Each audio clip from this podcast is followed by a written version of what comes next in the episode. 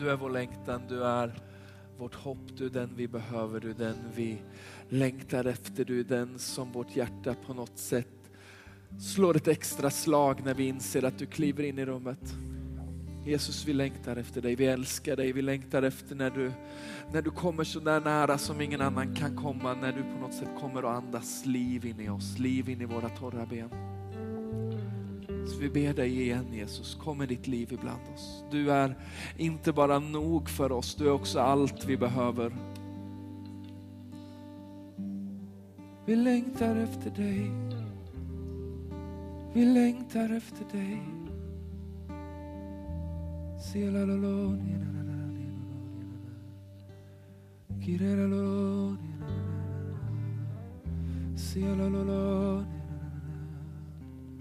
Jag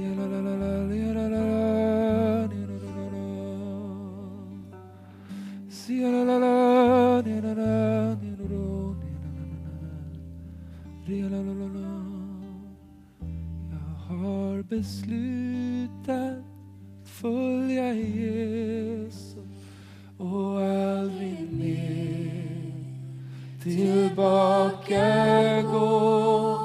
Jag har beslutat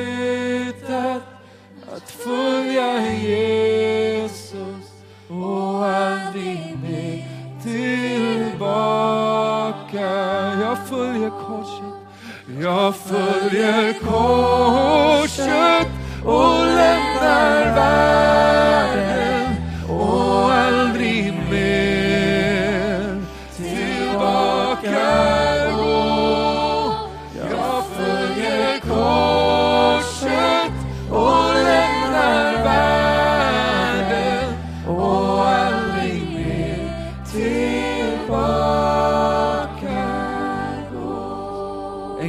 Kristus är nog. Kristus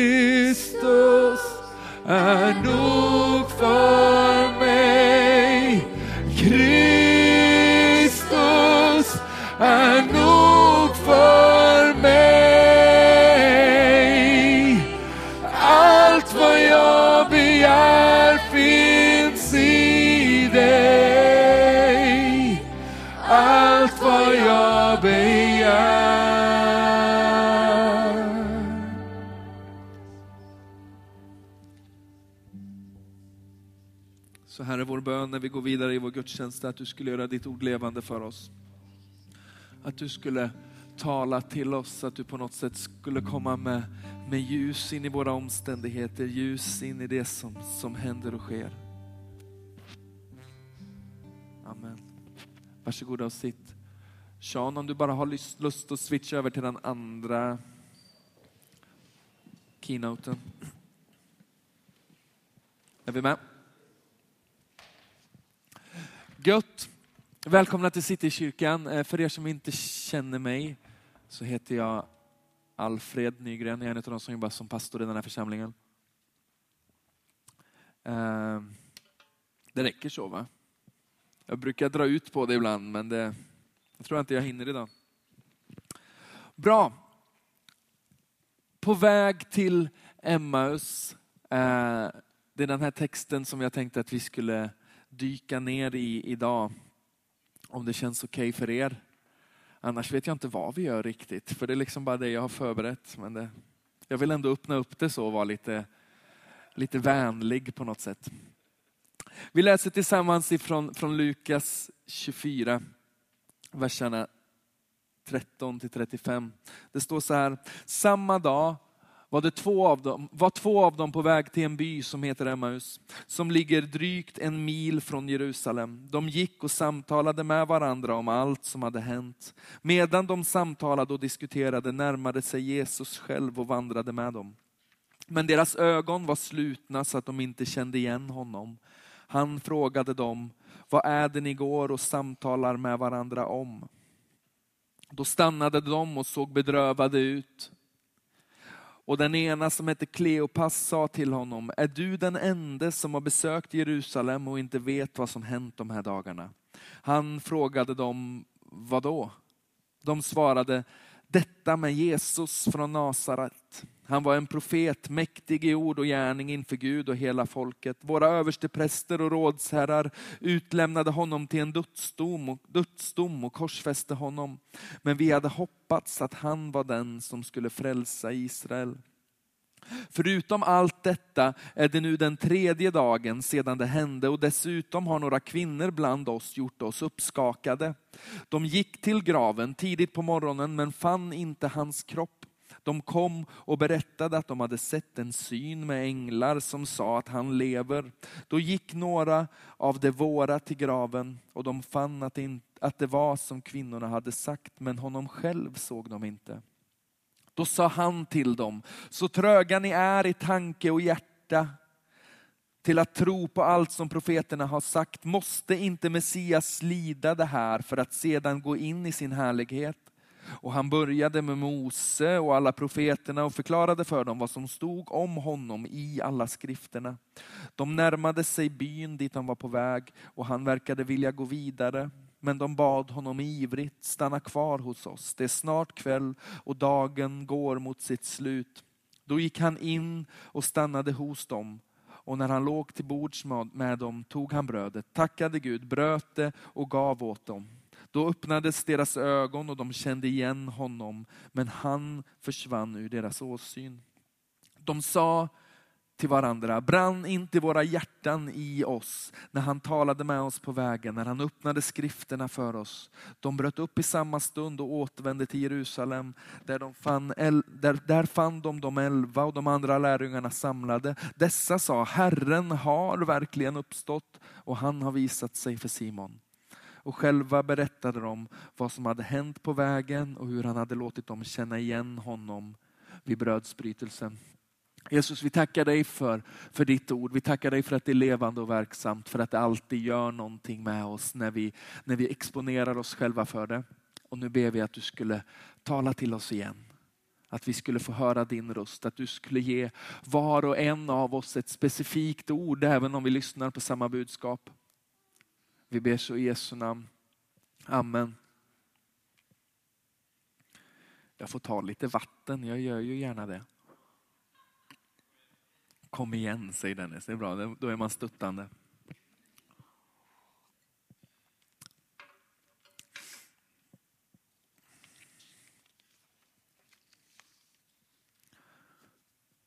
Det är en speciell text som vi läser. Det är två personer som vi egentligen inte vet så mycket om. Som är på, på väg bort ifrån från händelsernas centrum. En man som heter Kleopas och hans medvandrare. Eh, vi vet inte om det är en kompis till honom eller om det är hans fru eller vem det är. Det, det, det står inte. Eh, ärkebiskopen gjorde lite liksom försök att antyda grejer i veckan här. Eh, det blev väl sådär uppskattat i vissa led. Men men, men, hur som helst så är det två personer som vi inte har sådär supermycket koll på, mer än att de bedrövat rör sig bort från Jerusalem. Det är fortfarande söndag i den här texten. Det är den tredje dagen. De har tillbringat tid med, med, med lärjungarna, med de elva. Med kvinnorna, med, med Maria och, och de andra och med Jesu mor. De har hört berättelser om att graven är tom och att änglar talar. Men något i dem förmår inte att tro det de hör, förmår inte att omfamna det omöjliga. De har hört berättelser avsedda att väcka hopp, men allt som har hänt är att vandrarna blir upprörda och så ger de upp. De har på något sätt, förstår vi, funnits jag höll på att plocka bort pappret, det kan ju gå hur som helst. Då. De har på något sätt funnit nära Jesus och de har på något sätt satt sitt hopp till honom. De trodde att han var den som skulle komma och befria från romarnas förtryck, men nu känns allting väldigt osäkert. Uppgivet och meningslöst. De överger de övriga lärjungarna, de elva och alla andra som fanns runt Jesus och de flyr iväg till något som, som kan ge dem trygghet, stabilitet och när de när det de hade hoppats på till synes inte var vad de trodde. Det är en mil eller elva kilometer ungefär till, till Emmaus. En promenad som tar två timmar och 26 minuter om man ska lita på eh, kartor-appen i iPhonen. Och sen får du lägga till eller dra ifrån lite Eh, beroende på hur rask du känner att du är i din gång. Men, men någonstans runt två timmar. Men framför allt så är det en vandring som på något sätt för varje steg tydligare och tydligare stänger ett kapitel i vandrarnas liv. De satsade, hoppades och följde. Men, men nu är allt slut. Och så händer något märkligt, något som, som väcker en hel del frågor hos mig och hos oss. Varför går Jesus ikapp dem? Nyss uppstånden lämnar han all uppståndelse. Jag är väldigt nöjd med den lilla ordleken.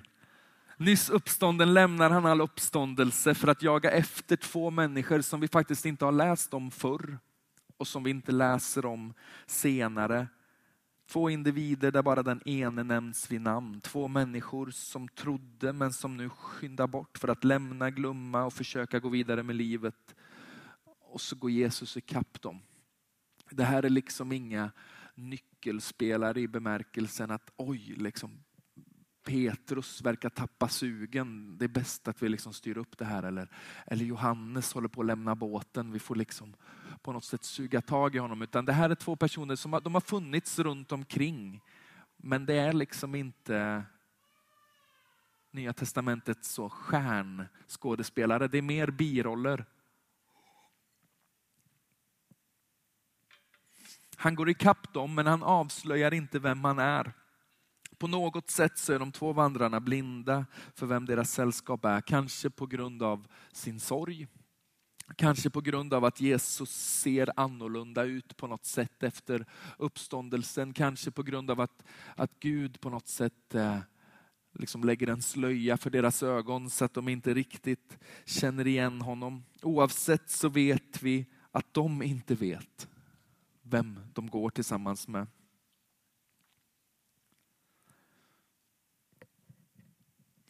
Och jag tror att den här texten kan, kan få vara viktig för oss. Kan få säga någonting till oss. För livet är inte riktigt så enkelt som man kanske hade hoppats. Tron, efterföljelsen, kyrkan blir kanske inte alltid som man hade hoppats. Det händer oss lite oftare för vissa och lite mer sällan för andra att vi finner oss själva på väg bort från det som vi nyss var en del av. Kanske inte så att vi alltid fysiskt går ifrån, men på något sätt så, så väljer vi att dra oss undan. Medvetet eller omedvetet så får våra erfarenheter och besvikelser oss att liksom backa lite grann. Och orsakerna kan vara många. Det kan vara att ingen frågar efter dig längre. För några år sedan så liksom ville alla ha med mig i allting och jag var en kraft att räkna med i församlingen och allt det där på något sätt. Men nu är det ingen som, som frågar på samma sätt och så får det mig att backa fika. Eh, eller jag känner att jag har ingen som vill fika med mig efter kyrkan. Det är ingen som vill sitta med mig på lunchen. Det är alltid jag som söker upp ett bord. Det är ingen som liksom söker upp mig. Och så känner jag att, ah, jag vet inte, jag backar nog undan lite. Jag kanske fick vara med och, och sjunga förr. Vi hade en stor kör och då fick alla minsann vara med. Men nu är det bara vissa som får vara med. Och så backar vi lite grann.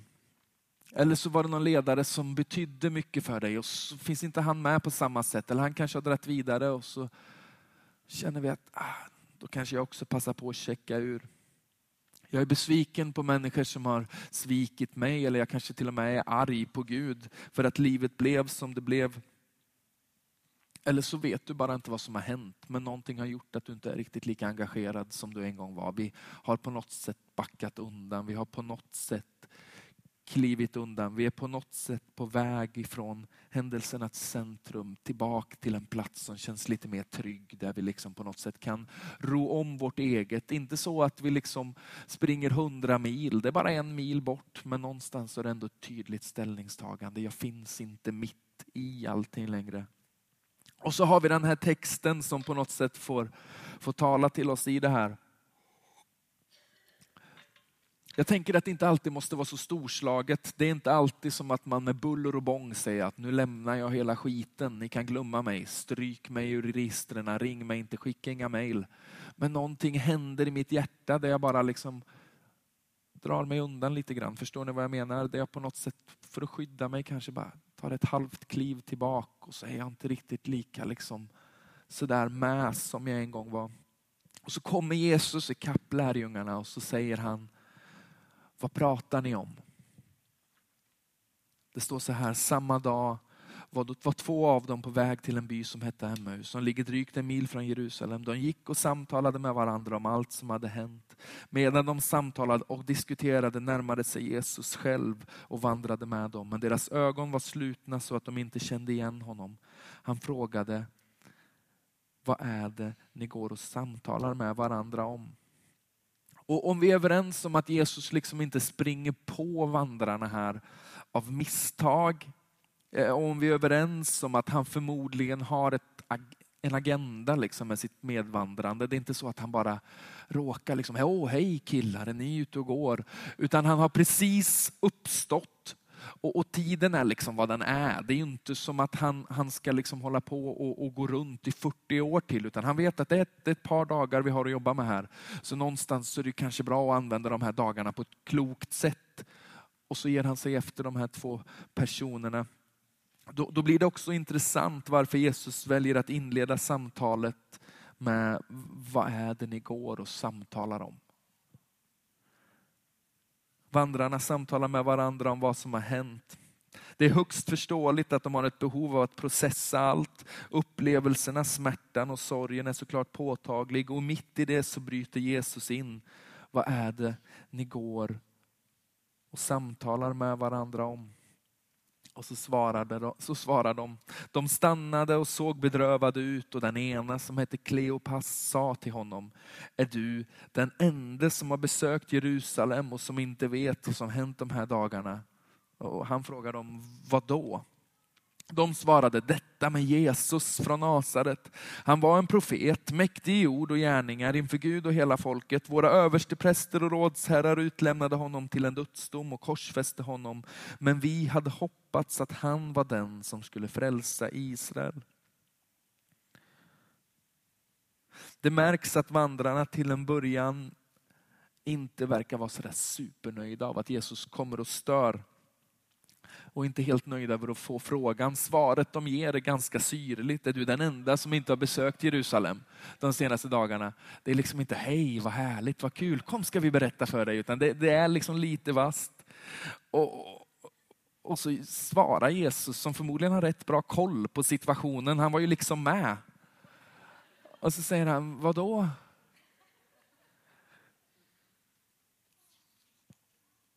Och så möter Jesus vandrarna mitt i deras upplevelser och berättelser.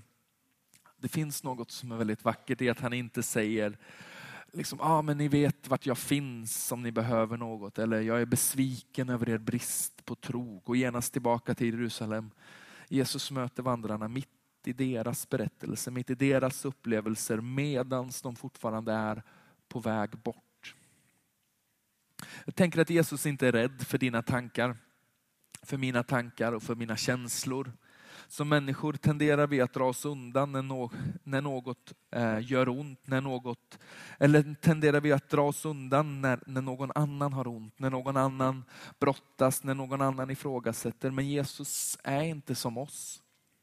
Han söker upp mitt i omständigheterna och även om vi inte förstår det till att börja med så börjar han liksom dra i oss. Vad är det ni går och, och samtalar om? Men Jesus nöjer sig inte med att vara engagerad i vandrarnas berättelse. Han låter dem prata, han lyssnar på vad de har att säga, men när berättelsen börjar liksom övergå i ett ältande så ändrar han riktning på samtalet. Nu har jag, jag försökt göra en powerpoint för att jag skulle vara pedagogisk, men jag har gått vilse fullständigt. Vi kommer, i, vi kommer ikapp.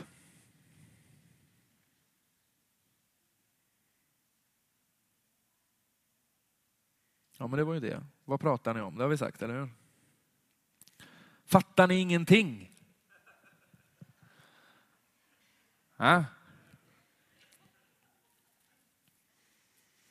Då sa han till dem, så tröga ni är i tanke och hjärta till att tro på allt som profeterna har sagt. Måste inte Messias lida för att det här för att sedan gå in i sin härlighet. Och han började med Mose och profeterna och förklarade för dem vad som stod om honom i alla skrifterna. Så Jesus börjar på något sätt flytta lärjungarnas fokus från, från omständigheterna, från det de står i, från det som händer och sker, tillbaka till, till skriften, till profeterna, till Guds ord. För visst kan vi relatera till att när livet börjar blåsa lite kallt, när det börjar bli lite tjorvigt och lite jobbigt sådär, så, så, så tenderar omständigheterna att på något sätt bli det som vi vältrar oss i. Vi har en tendens att fly in i våra berättelser och, och ibland kallar vi det nostalgi. Det var bättre förr. Eller så liksom håller vi på och tjatar i vår hemgrupp om den där personen som gjorde fel mot oss för liksom 15 år sedan. Eller, eller så har vi någon sorts överdrivet behov av att bara prata om eländet i allting. Liksom. Vad är det här? Vad gör de på kontoret egentligen? Jobbar de egentligen på dagarna? Äh, ska det behövas så många anställda?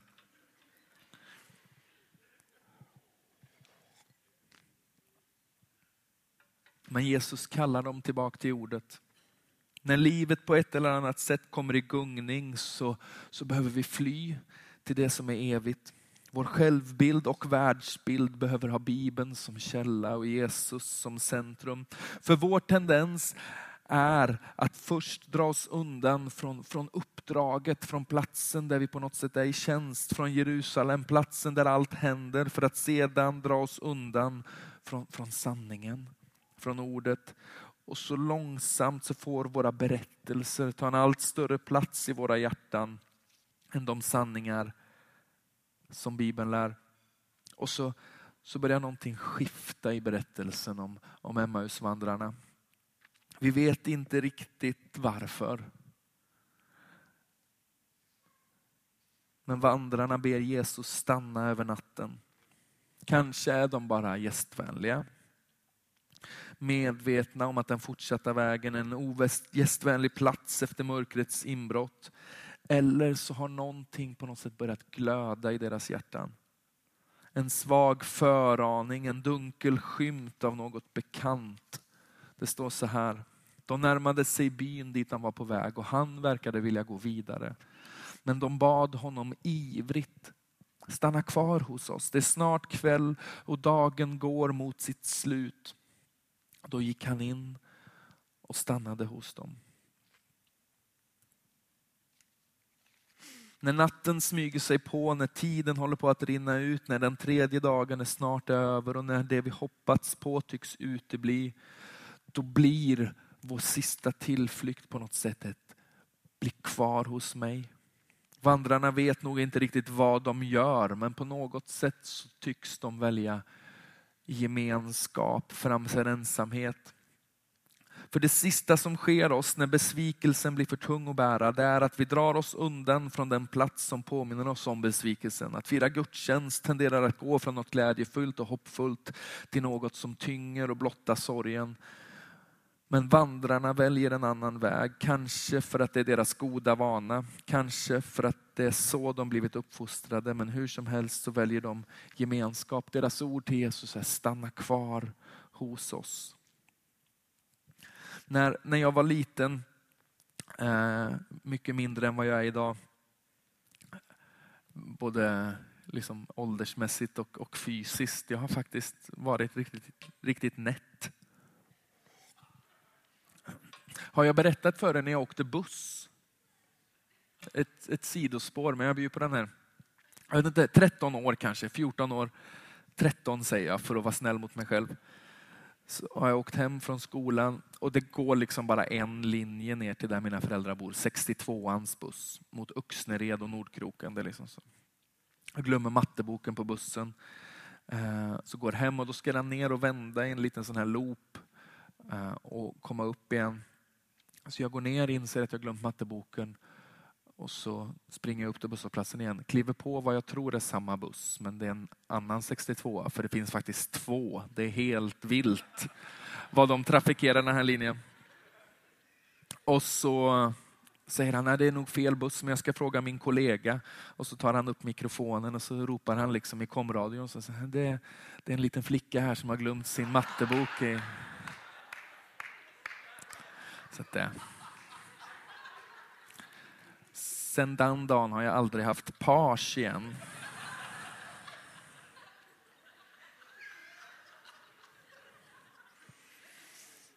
Det var det. Det var inte det jag skulle berätta, utan när jag var liten så, så, så, ingick mina föräldrar någon sorts pakt med alla andra föräldrar i den kyrkan där vi var med. Man sa att oavsett eh, vad det är för möte i kyrkan, hur tråkigt det än är, liksom, om det kommer en, en, en eh, en, en missionär ifrån liksom bortre Kongo med en flanellograf och visar liksom bilder och fisknät så tänker vi ändå gå dit varje gång och så tar vi alltid med oss barnen. Det kanske var en sån grej som, som pågick i lärjungarnas liv eller så bara de anade att det är någonting som håller på att hända och deras inbjudan blir stanna kvar hos oss. Och så läser vi vidare i texten att det står så här. Och när han låg till bords med dem tog han brödet, tackade Gud, bröt det och gav åt dem. Och då, öppnades, och då öppnades deras ögon och de kände igen honom. Men han försvann ur deras åsyn. I den första sista måltiden så möter Jesus lärjungarna det som fram tills nu har varit ett medvandrande, en främling som har lagt ut skriften för dem, har nu framför deras ögon avslöjats som, som honom. Honom som de älskar, honom som de hoppades på, honom som de trodde att de hade förlorat. Och jag tänker att ibland så får vi någon sorts religiös kramp, speciellt i de sammanhangen där vi befinner oss som inte har så mycket liksom liturgi och du vet kyrkoår och tradition och sådär, utan vi är alltid så härligt spontana, tror vi i alla fall. Eh, men, men vi har ju också massa liturgier och massa ordningar. Det är bara att vi inte kallar det så. Men, men det är ju en sång och så säger vi välkommen och så sjunger vi tre eller fyra sånger. Och så predikar vi 30 minuter i bästa fall. Och så ber vi för varandra och så dricker vi kaffe. Så vi har ju liksom en, en ordning till det och det är ju det är härligt. Men vi kämpar så hårt för att prestera tro och i det så skaver det i oss. För vi befinner oss kanske inte på den plats som vi önskar. Vi tar ifrån tårna men ändå så får vi liksom inte fäste och till slut så genomskådar vi oss själva. Vi ger upp och släpper taget och låter natten famna oss. Men tänk om det finns en annan väg. Tänk om Jesus inte kallt säger till oss, du kommer tillbaka när du har ångrat dig utan snarare den gode herde som han utger sig för att vara och finner oss. Tänk om det inte är en prestation att fira gudstjänst varje vecka utan snarare trots sitt hopp stanna kvar hos mig. I gudstjänsten och gemenskapen så möter han oss förr eller senare. När mitt hjärtas inbjudan till honom är stanna kvar så möter han mig, så möter han oss vi har den här tendensen på något sätt när livet går emot oss. Att vi, att vi först kliver ner från det där som vi egentligen älskar att göra, det där som vi egentligen brinner för. Och så på något sätt tar vi bort vår medverkan som något straff till någon, men vi vet inte riktigt vad det är som pågår. Och sen så börjar vi också eh, på något sätt älta där vi börjar fastna i berättelserna om vad som är fel, om vad som är jobbigt, om vad som inte blev som vi hade hoppats. Det betyder inte att vi har fel i sak, men någonstans har det blivit vårt fokus istället för berättelsen om honom. Och sen tenderar vi att dra oss undan från gemenskapen. Det är ändå ingen som bryr sig om jag kommer. Det spelar ändå ingen roll om jag är där. Gudstjänst varje söndag, nej jag vet inte, varannan och sen var tredje och sen någon gång ibland och, och sen inte alls. Men någonstans när vandrarna hänger på en, på en skör tråd av att släppa taget så fattar de ändå ett beslut och vi vet inte riktigt vad som är grunden men de säger stanna kvar hos oss. På något sätt så sträcker de ut sin hand och tar tag i det lilla halmstrå som finns och, och väljer gemenskap istället för isolation. Och så bryter Jesus brödet och så öppnas deras ögon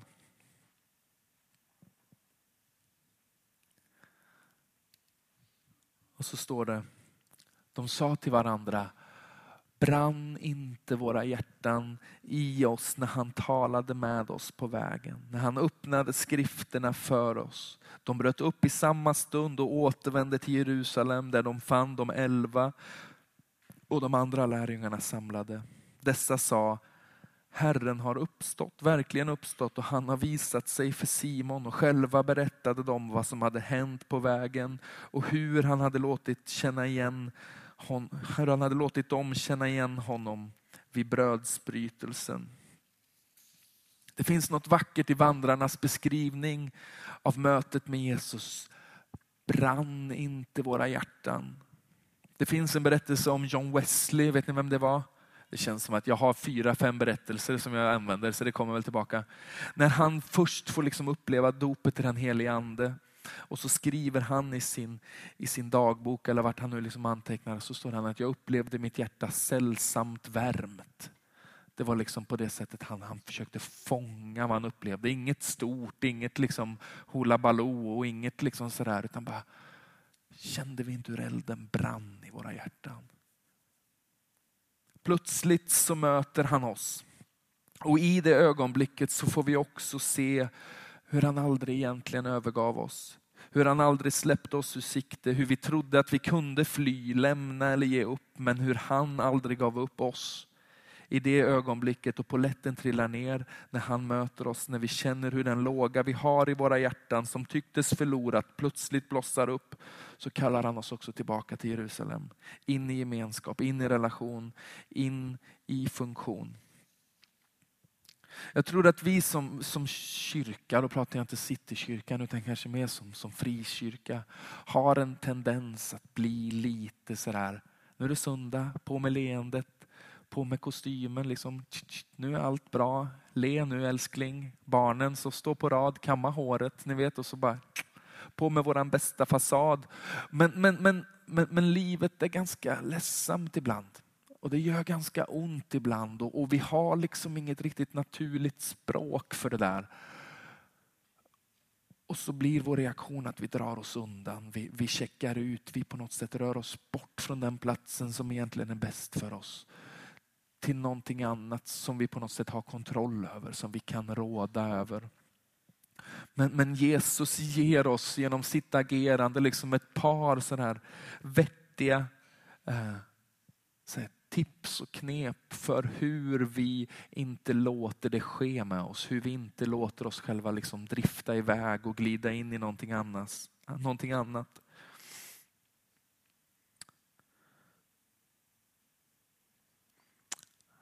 Han, han säger, vad pratar ni om? Han, han, inbjuder oss att på något sätt dela vår, vår smärta med honom. Att hålla listan kort. Jesus, det, det, det, gör ont. Jesus, det känns konstigt. Jesus, det här och det här och det här händer. Men, men sen så säger han också, fattar du ingenting? Och den är inte så liksom, den är inte lika god. Men någonstans så säger han, men det är ju inte dig det handlar om. Och så börjar han byta ut vår berättelse mot hans berättelse. Jo, jag vet. Människor kan vara idioter ibland. Liksom. Min församling är inte alltid riktigt vad jag hade tänkt. Men det är ju inte dem det handlar om utan det handlar om min berättelse. Det handlar om någonting större. Fattar du ingenting? Och så får vi säga stanna kvar hos mig. Stanna kvar hos oss. Vi får någonstans fatta ett beslut om att hålla fast vid Jesus.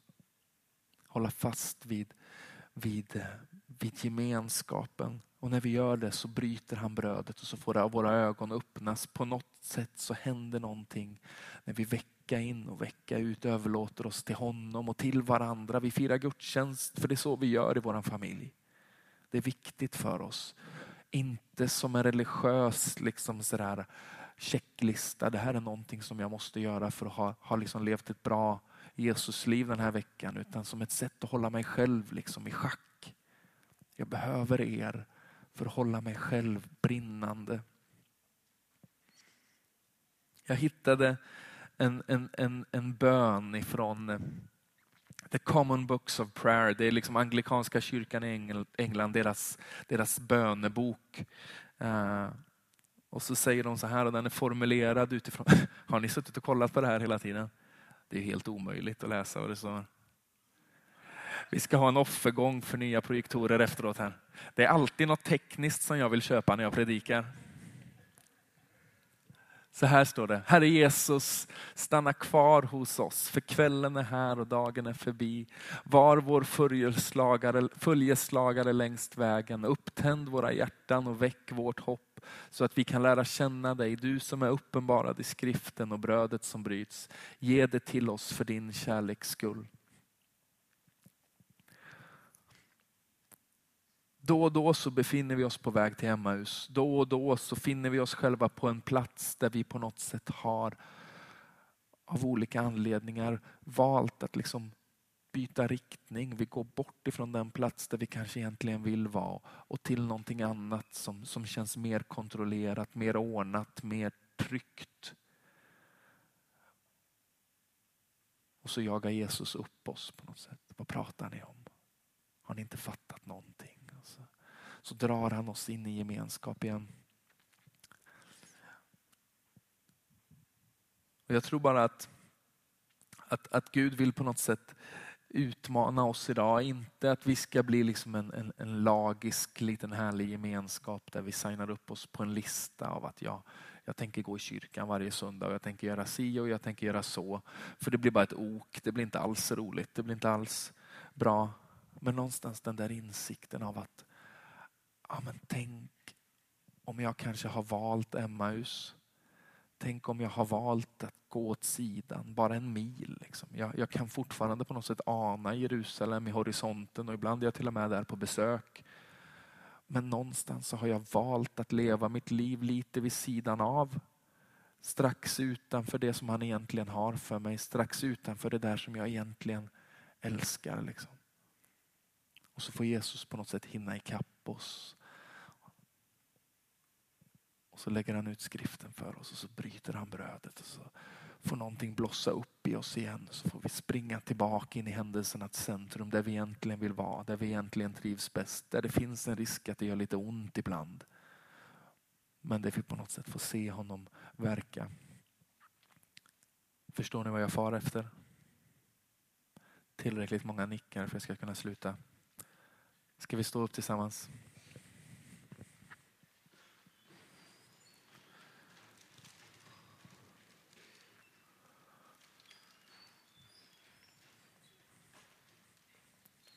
Vi ber. Jesus, vi tackar dig för, för ditt tålamod med oss. Vi tackar dig för att du är så, så uthållig och mild, för att du är så, så god i, i, i, allt du gör och i vem du är. För att du är den som, som söker upp oss. Du är den som, som jagar efter oss.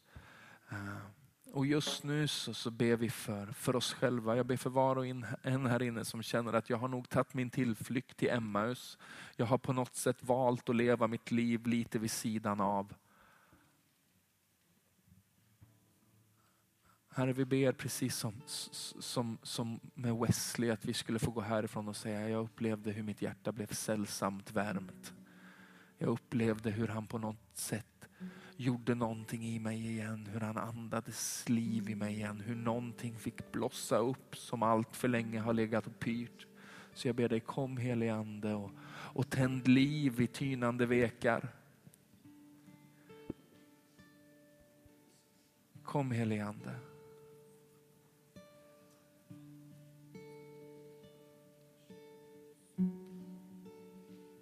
Vi längtar efter dig. Vi längtar efter dig. Tänd din eld i oss igen. Tänd din eld i oss igen.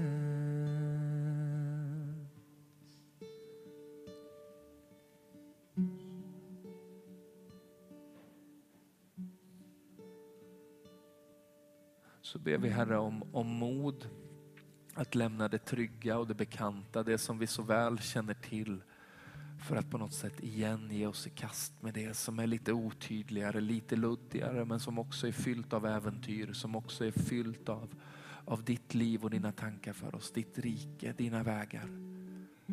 dra oss tillbaka Herre.